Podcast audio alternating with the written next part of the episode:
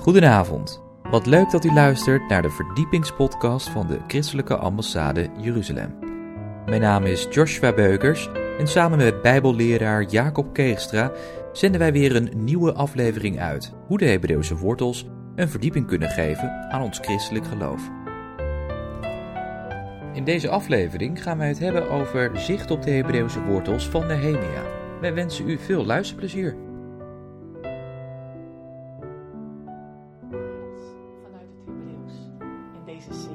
Zicht op de Hebreeuwse wortels, willen we je meenemen naar bijzondere parels. Vandaag gaat het over Nehemia, de landvoogd die in Babel woonde, maar door God gezonden werd om de muren van Jeruzalem te bouwen. Nehemia betekent vertroosting door God, vertroosting door Yahweh. En Nehemia was een vertrooster, want hij heeft bijzondere dingen tot stand gebracht. Nehemia, of het woord troost, komen we niet alleen tegen in Nehemia, maar we komen het ook tegen in andere woorden. Zoals bijvoorbeeld Capernaum, het dorp waar Jezus veelvuldig was. Het Capernaum is Kwaar Nahum in het Hebreeuws, wat betekent het dorp van de troost. Zelfs is er een profeet, Nahum, waar ook een Bijbelboek van is. Alles heeft te maken met het woord troost. Als we naar het Grieks kijken, dan weten we dat het woord troost het bijzondere woord parakletos is. Wauw, parakletos. Maar dat is toch ook van de Heilige Geest? De naam van de Heilige Geest? Ja, omdat de Heilige Geest ook de trooster wordt genoemd. Juist de trooster, de Heilige Geest, heb je nodig. Wat ook nog heel bijzonder is, is dat het mandaat van de internationale christelijke ambassade in Jesaja 40 vers 1 is Troost, troost mijn volk, zegt uw God. In het Hebreeuws is dat Nachamu, Nachamu, Ami.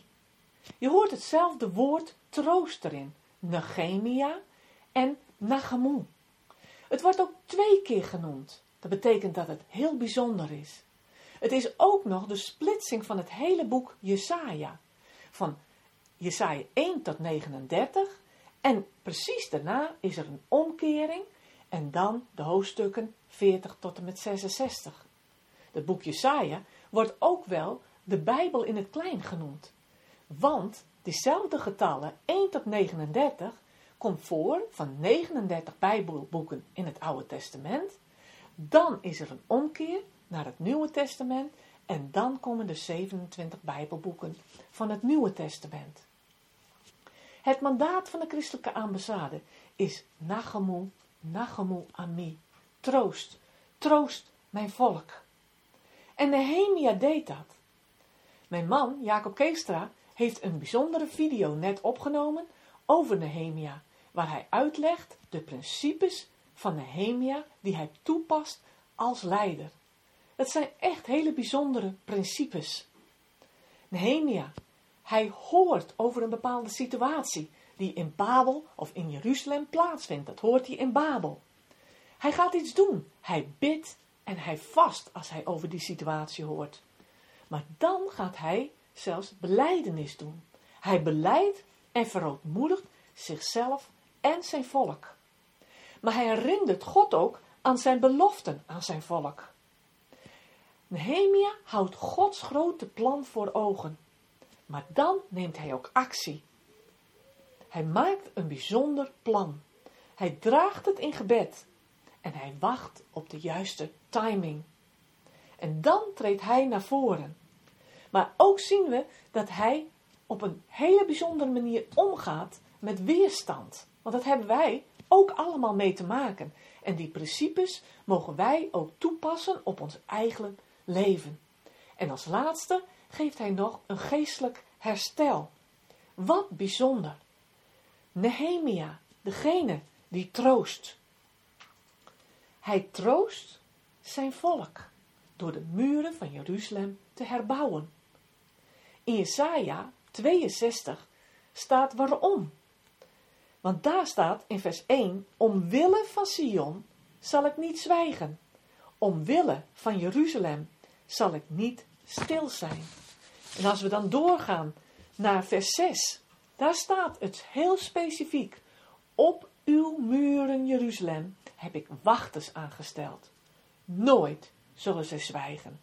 Heel de dag en heel de nacht niet. U die het volk aan de Heer doet denken, gun u geen rust. Nehemia bouwde de muren van Jeruzalem, samen met een hele team van Joden die er op dat moment leefden. 52 dagen, gefocust gingen ze aan het werk en er gebeurde wat. Zo mogen wij ook als wachters op de muren van Jeruzalem staan, om ook te bidden en te vasten voor Gods volk, om zo ook iets te, teweeg te brengen. Want als wij dat doen, gebeurt er iets. En in de geschiedenis zien we dat geheel al. 2000 jaar is het stil geweest, maar nu, sinds 1948, is het volk teruggekeerd. En we zien eerst een natuurlijk herstel, maar we geloven dat er ook een geestelijk herstel komt voor Gods volk. Wij mogen een Nehemia zijn.